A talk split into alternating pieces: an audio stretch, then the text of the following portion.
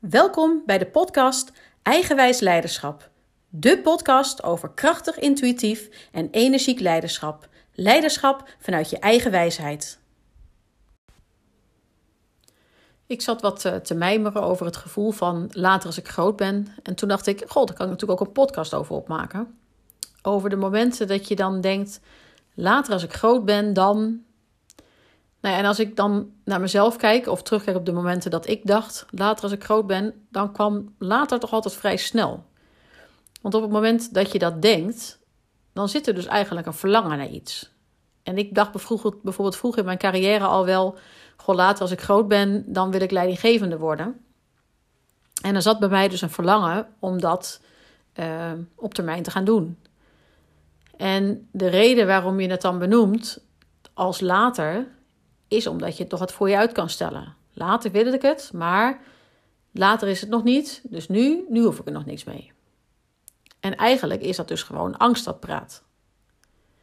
Angst om uit je comfortzone, het vertrouwde te komen.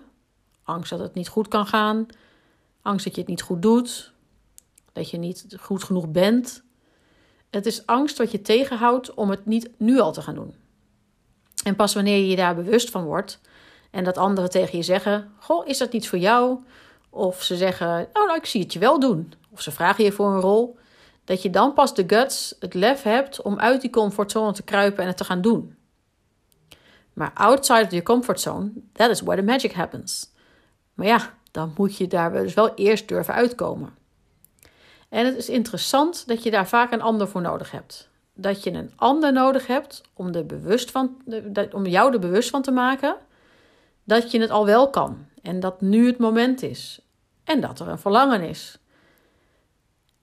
En het is dus ook interessant dat je dus ook die ander nodig hebt om jouw kwaliteiten te bevestigen.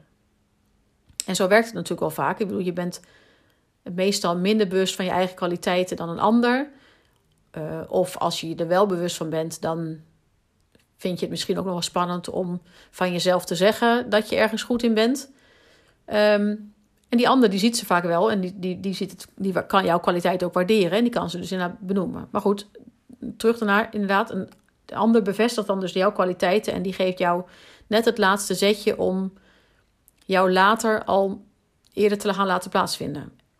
Maar andersom zie ik het trouwens ook wel gebeuren. Er zijn ook genoeg leidinggevenden die een rol hebben waarvan ik denk, nou ja, waarvan mijn bescheiden mening is dat ze beter een ander vak hadden kunnen kiezen omdat ze minstens zo onzeker zijn als ieder ander. Maar dat verhullen onder een dikke laag ijs. Of in ieder geval een dikke laag ego. En uh, onzeker zijn, laat ik vooropstellen, uh, dat is een hartstikke mooi gegeven. Uh, maar verhul het dan niet. Weet je, laat af en toe je kwetsbaarheid zien. Ik bedoel, wees ook niet alleen maar onzeker. Dat, zeker in de rol van leidinggevende werkt dat ook niet. Maar ga het vooral niet verhullen onder die dikke laag ego. Maar goed, die halen dus dan ook hun waardering en hun zekerheid uit de functie, um, uit hun status. Want als ze leidinggevende zijn, hè, dan zijn ze goed bezig, dan zijn ze sterk en krachtig. Maar het zijn naar mijn idee niet de leidinggevenden die er over een jaar of tien nog zitten. De, jongere generaties gaan daar gewoon dwars doorheen prikken. En dan met name de generatie die nu op de middelbare school, zat, op, eh, op de middelbare school zit. Kijk, die generatie zoals ik het zie, is veel gevoeliger, prikt dwars door dat egootje heen. En nog niet altijd met de juiste woorden, maar die geven wel een hele duidelijke spiegel. Kijk maar eens naar je eigen kinderen, als je die hebt, wanneer ze in die leeftijd zijn. En als je dan iets anders zegt dan dat je uitstraalt, dan voelen ze dat direct en dan krijg je het terug in de vorm van boosheid of frustratie of iets anders. Kinderen voelen zo duidelijk of het congruent is, of het kloppend is. En ehm, het is echt interessant om je eigen verlangens onder de loep te nemen. Want als je dus een andere functie wil of een ander huis, wat maakt dan dat je dat wil? Wat heb je dan als je dat hebt bereikt? Wat voor gevoel geeft het je dan?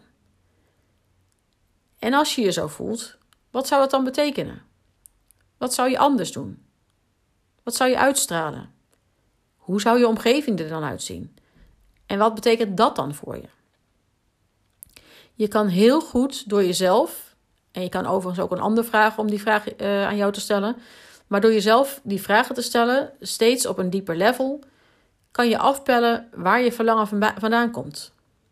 En vaak komt het neer op twee verlangens: authenticiteit, dus het kunnen zijn wie je bent, en het ontdekken wie je bent. En het andere verlangen is verbondenheid. Je verbonden voelen met anderen of de organisatie of de wereld. En het, dat zijn twee, overigens twee verlangens die iedereen heeft en die heel vaak met elkaar in conflict zijn. Want soms moet je, om verbonden te zijn met de ander, je een klein beetje aanpassen. Of je raakt, doordat je steeds beter weet wie je bent en wat je wil, een beetje vervreemd van je omgeving. En het kan zijn dat je daardoor merkt dat jouw pad bijvoorbeeld de andere kant op gaat. En ook als je dus soms die twee verlangens, als die met elkaar in conflict zijn of wat dan ook, dat, dat is ook zeg maar die, die congruentie en die kloppendheid. Um, dat je het ene uitstraalt en het andere doet, bewijs van. Um, nou, ze oh ja, dat is ook wel interessant. Ze zeggen ook wel eens dat je het gemiddelde bent van je omgeving. En dus dat je familie en je vrienden en de mensen in jouw werkende leven, dat al die mensen die jij om je heen hebt verzameld, ehm, dat de ene helft van jou leert en de andere helft, daar leer jij van. En nou goed, niet zo zwart-wit natuurlijk, maar het kan ook zijn dat er in één persoon de dingen zit, zitten waarvan jij kan leren en ook dat die persoon weer van jou leert. Maar goed, je snapt hopelijk wat ik bedoel. En uh, nou, zo niet, laat me weten. Maar dat je in ieder geval dus het gemiddelde bent van je omgeving.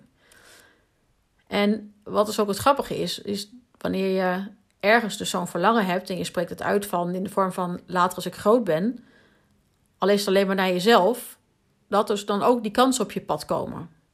Het is sowieso bizar dat wanneer je er bewust van bent, dat er constant signalen op je pad komen. Um, ik spring geloof ik een beetje van de hak op de tak. Maar nou, dat verlangen gaan we nog eventjes op door.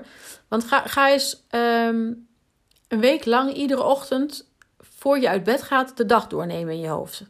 En neem dan de dag door zoals jij wil dat de dag gaat verlopen. Dus hoe je je zou willen voelen, hoe je wil dat anderen op jou reageren, hoe je de dingen voor elkaar krijgt. Helemaal hoe jouw dag volgens jouw ideale plaatje gaat verlopen.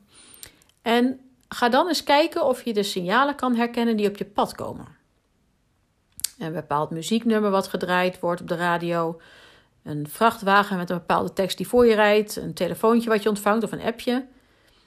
Iets wat bijvoorbeeld op de weg ligt, waardoor je moet stoppen en wel opzij moet kijken.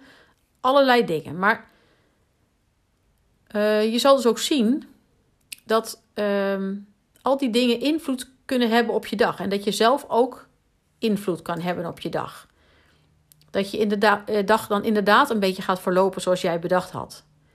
Het is echt de moeite waard om dit eens te gaan proberen. En nou laat me ook vooral weten wat het dan met je doet. En uh, wanneer iets nou echt een langetermijn verlangen is, want meestal heb je dat dure huis met dat zwembad niet morgen gerealiseerd en ben je niet op dag 1 van je carrière leidinggevende. Um, maar kijk dan eens wat jij morgen of zelfs vandaag al kan doen om dat te bereiken. Met wie kan je je verbinden? Want ja, als je alleen maar met mensen omgaat die grote huizen hebben en, uh, en jij bent dus dat gemiddelde van je omgeving, nou, dan komt het wellicht wel eerder op je pad. Of als je wilt doorgroeien, ga dus met mensen in gesprek in die functie en bevraag ze wat ze gedaan hebben uh, om daar te komen. Dus nou ja, ik ben heel benieuwd, zeg maar, wat, uh, ook wat je verlangers zijn en hoe, hoe die um, wellicht ook met elkaar dus inderdaad wat in conflict zijn. Uh, jouw authenticiteit en die verbondenheid. Als jij dus jouw verlangens afpelt, kom, je daar dan ook op uit. En nou ja, helpt het jou om er op deze manier over na te denken. En um, nou ja, denk je nou als je dit hoort, ja, uh, die bloem die kan mooi lullen. Maar ik geloof er geen zak van dat lukt mij nooit of eh, dat kan ik niet.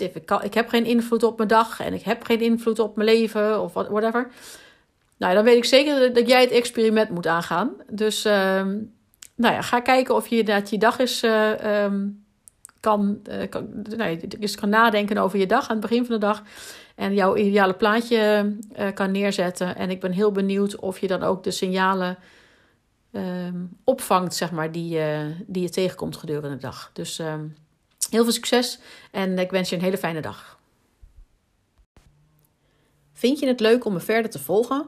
Anders gezegd, wil je niets van me missen? Abonneer je dan op mijn podcast. Ik ben sowieso erg benieuwd wat je van mijn podcast vindt en ik zou het enorm waarderen wanneer je een review achterlaat. Tot snel!